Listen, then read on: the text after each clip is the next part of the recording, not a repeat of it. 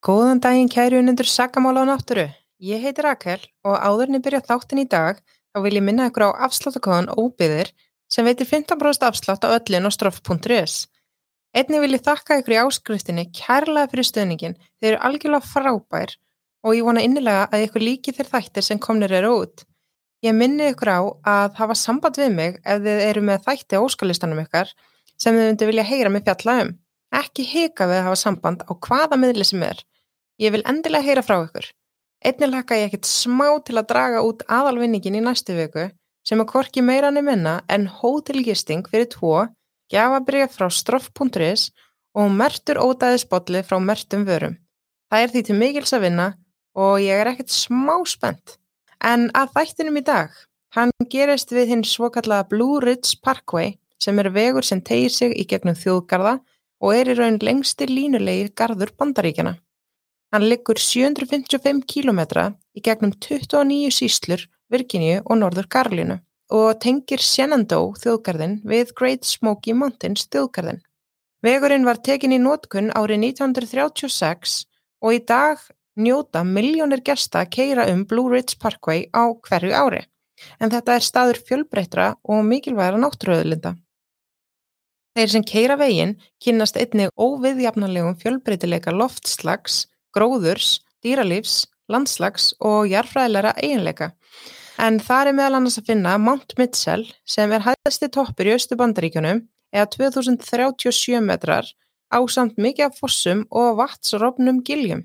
Ég las það á netinu að það væri ekki óalgengt að hitta svartbyrni í gungutúrum upp fjallið. Ég veit þá að ég er ekki að fara að ganga þetta fjall neitt á næstunni.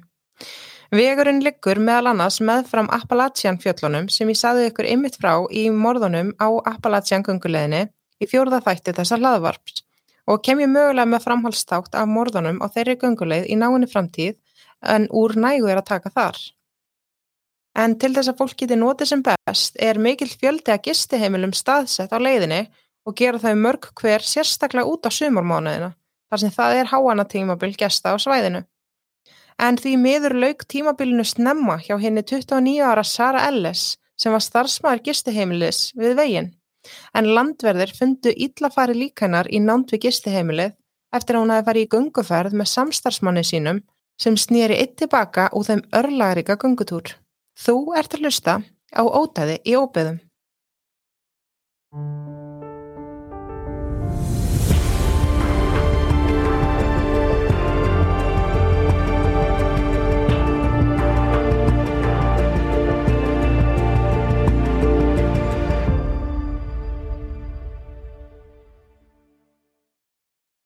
Sumarið árið 2018 unnu þau Derek Sean Pendergraft, 20 ára, og Sara Ellis, 29 ára, bæði á Pisca Inn, gisteheimilinu, sem staðsett er við hinn vinsala Blue Ridge Parkway, 40 km söður á bænum Asheville í Norðu Karolínu. Á gisteheimilinu vinna alla jafna 100 manns yfir sumartíman, en um helmingur starfsmanna gisteheimilisins býr í húsnaði á vegum gisteheimilisins sem staðsett er í nákrenni þess. Er þetta nokkur skonar heimavist með tveimur rúmum í herbyggi og sameilu um kommóðum og skápum? Látlaust en kósi, sérstaklega fyrir ungt fólk sem gerir ekki mikla kröfur til húsnæðis eða engalífs. En svo með aðra þjóðgarskála laðar gisteheimili að sér svokallað árstíðabundi starfsfólk viðsvegar af af landinu. Og er því ekki óalgengt að starfsmenn með ævintýra þrá ferðist á milli skíðarsvæða á vetrartímabilum og gistiskála sem þessum á sumurinn til að vinna utandera allt árið um kring. Margir þessara starfsmanna eru ungir og frjálsir einstaklingar en sumir eru líka eftirlauna þegar í ævintýraleit sem kannski höfðu ekki færi á að pröfa slíka vinnu á sínum yngri árum. Sara, sem upprunalega var frá Flórida, hafði starfað sem kokkur á staðnum frá því í mæ, en Derek Sean sem húsförður og voru þau á sínu fyrsta tímabili á svæðinu. Sara hafði nýlega mist fyrir vinnu og taldi að sumastarfið á Piska Inn gæti orðið skemmtilegt og gott tækifærið fyrir sig til að bæta við sér þekkingu og ekki skemmti fyrir að gistiheimilið útvegaði starfsfólki líka húsnaði og það taldi hún mikinn bónus sem hún ætlaði svo sannarlega að nýta sér. Hún hafði einni hugsað sér að reyna að fá vinnu þarna til lengri tíma eftir að sumartímabilinu væri lokið en það voru alltaf nokkri fasti starfsmenni vinnu allt árið um kring. Á endanum vonaðist hún þó til að geta opnað sinn eigin veitingarstað en það var draumur sem hún hafi lengi borið í brjósti sér og vonaðist til að geta látið verða raunveruleika fyrr en síðar. Henni var líst af þeim sem þekktu hana sem vingjartlegum og kærleiksríkum dýra elskanda og með svo stórt hjarta úr gulli. Derek Sjón var líka almennt veliðina starfsfólki gisteheimilsins. Hann var þekktur af vinum og gömlu skólafélögum sem fyndin, gladlindu drengur sem hæði þó lendi einelti um tíma og ætti ekki alltaf fastan samastað vegna þess að húnum kom ekki alltaf vel sama um móðu sína. Æska hans hafi verið nokkuð erfið og því var fría húsnæðið á gistiheimilinu einnig stór bónus fyrir hann. Þrátt fyrir að vinna á sama litla vinnustanum þekktust Sara Ellis og Derek Sjón ekki mikið en vinir Sara hefði þó heyrt hann að minnast á hann nokkru sinnum í síma en hún talaði samt bara um þau sem kunningja. Þann 24. júli ákveðu þau þó að reyna að kynnast betur og fara saman í síðdegisgönguferð eftir að vinna þeirra lauk klukkan fjögur og ætluðu þau að kanna nærlegjandi svæði saman. Göngutúrin átti alls ekki vera langur, bara svona síðdegisganga og koma heim aftur á kvöldi. Sara var alltaf jafna með mjög mikla ábyrðatilfinningu og var ekki mikið fyrir að blanda geði við ókunnuga. En svo virðist sem hún hafi talið sig öruga í gönguferðinu með Derek En gönguferðin endaði þó því miður þannig að Sara skilaði sér ekki tilbaka á lífi en það gerði Derek hins vegar. En heyrum þá hvað Derek sagði að hafa komið fyrir. Hvað það var sem liti til þess að Sara skilaði sér ekki tilbaka. Eftir að Derek Sjón snýri tilbaka sagði hann við lauruglu að fljótlega eftir að þau hófu gönguna hafi byrjað að rigna hressilega og veður tekið að versna. Sara hafði ekki líka að ganga í regningunni og því ákveða að snúa tilbaka einsins liðs. Á meðan hann held gungu sinni áfram næsta klukkutíman eða svo. Á endanum ákvað hann að snúa tilbaka en honum til mikillar undrunar og skelvingar sagðist hann hafa fundið hattin og reglífina hennar Sara meðfram gungustygnum cirka á þeim stað sem hann skildi við hanna fyrir um kvöldið. Og grunaði hann því að eitthvað slæmt hefði komið fyrir hanna og leið hennar tilbaka. Hann hóf leita af henni en fann hvorki tangurni tetur af henni og sagði að það væri hreinlega eins og jörðin hafi gleift hana. Hann brá á það ráð að ganga alveg tilbaka að gisteheimilinu og tilkynnti kvarfinnar um klukka 19.30. Fyrst tilkynnti hann vinnuveitanda sínum sem síðar ringdi í lauruglu eftir að Sara skilaði sér ekki fljótlega tilbaka. Í kjölfari var settu sem að leitarhópur sem samanstóð af þjóðgarsvörðum og björgunræðilum á svæðinu. Allt fólk sem þekkti mjög vel til staðháta en ákveði var að bregðast strax við þar sem Sara var sérstaklega viðkvæm fyrir því að vera eintínd í óbyðum á svæði sem hún þekkti ekki vel til. En það var vegna heyrnaskerðingar hennar, en hún var í raun og veru svo gott sem heyrnalus. Þjóðgarsverðir og annað björgunafólk þurftu ekki að leita hennar íkja lengi, en þeir fundu líka hennar klukkan halv 11 sama kvöld og var það nálagt stíg sem tengir saman píska inn gistiheimilið og starfsmannahúsnaðin og fannst hún því um þremur tímum eftir að Derek Sjón tilkynnti hennar saknað. Lauruglan taldi strax augljóst að hún hafi verið myrt þar sem vettvangurinn bar merki um að mikil átök hafi átt sér stað og líkanar var illa farið og að hluta til var hún afklætt sem benti til þess að hún hafi verið beitt kynferðisofbeldi.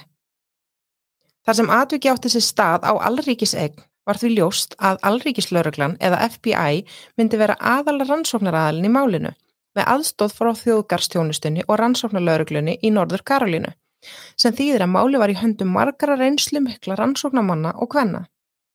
Gistihúsa eigandin á Piska Inn, maðurnafni Bruce O'Connell, sagði að hann og starfsfólk gistiheimilisins væru yfir sér sorgmat vegna andlátt Sara, að hún hafi verið viðkunnaleg og góður starfsmæður.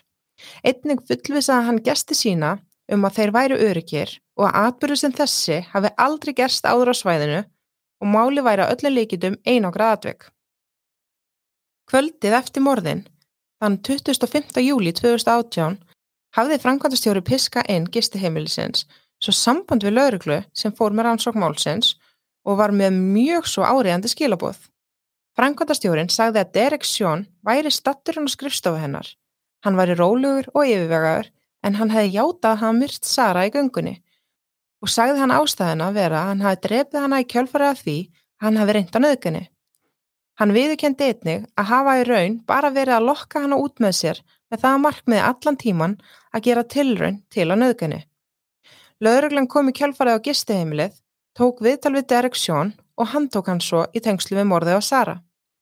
Við frekar í yfirheyslur sagði Derek lauruglu að þegar Sara hafi ætlað að snúa við þegar það byrjaði að regna hafi hann fengið svo kallar blackout og þegar hann kom til og rangaði við sér leið honum eins og engin tími hafi liðið. Hann hafi blikkað augunum og allt í einu var hann að horfa á fjólublátt andlitið á Sara. Tungan hennar stóða eins út um mununum og augun voru hann grá og líflaus. Hann hafi drepið hana.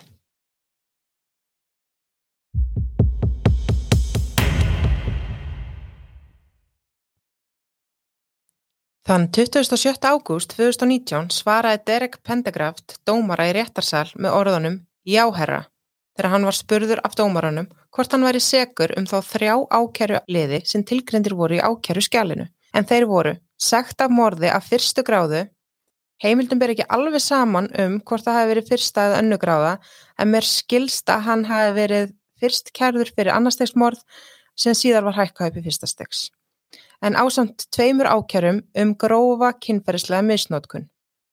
Tekið var fram að krypning hafi leitt í ljós að Derek Sean Petergraft hafi drefið Sara Ellis með því að kirkja hana í kjölfarið á því að reyna að nöðgani.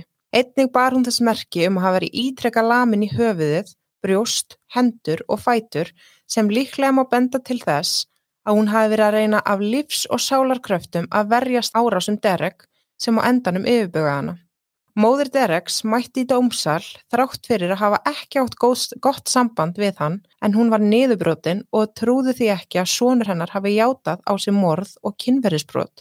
Það væri rosalega ólíkt hans karakter en hann hafi aldrei sínt af sér ofbeldisfulla hegðun. Fjölskylda Sara var hins vegar einstaklega náinn að öllu leiti en hún var týpuri og eftirlefandi týprosistir hennar heitir Rachel Ellis. Rachel listi því í dómsalunum að hún hafi verið að skrifast á við sýstu sína í gegnum samfélagsmiðla þann 24. júli en allt í einu hafi sambandi mellið þeirra rofnað og hún hafi ekkert heyrti í henn aftur.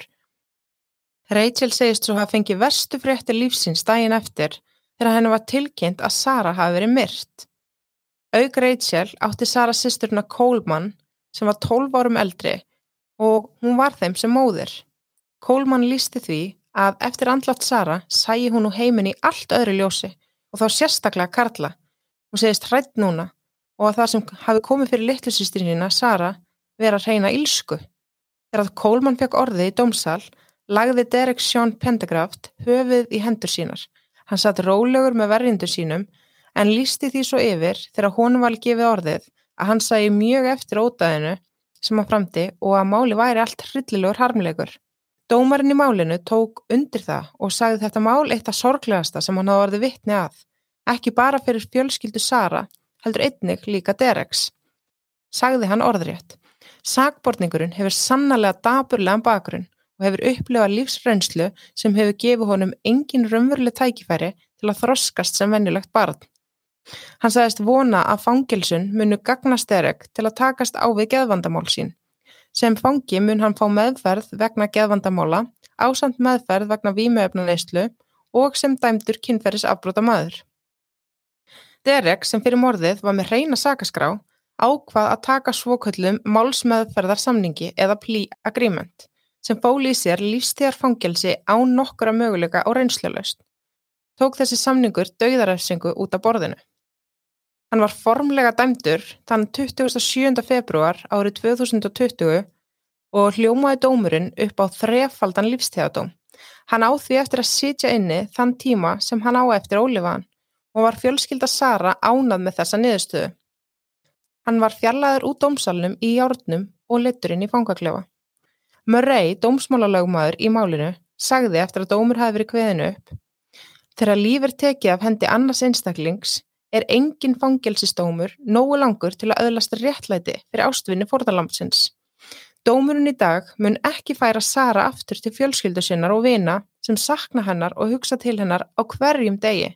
En það er einleg von mín að allir sem verða fyrir áhrifum af þessum viðbjóðslega glæp geti fundið hugun í því að vita að morðingi Sara mun aldrei ganga frjáls á meðal okkar aftur. Derek Sean Pendergraft hefur verið í haldi Buncombe County fangilsinu síðan hann var handtekinn í júli 2018.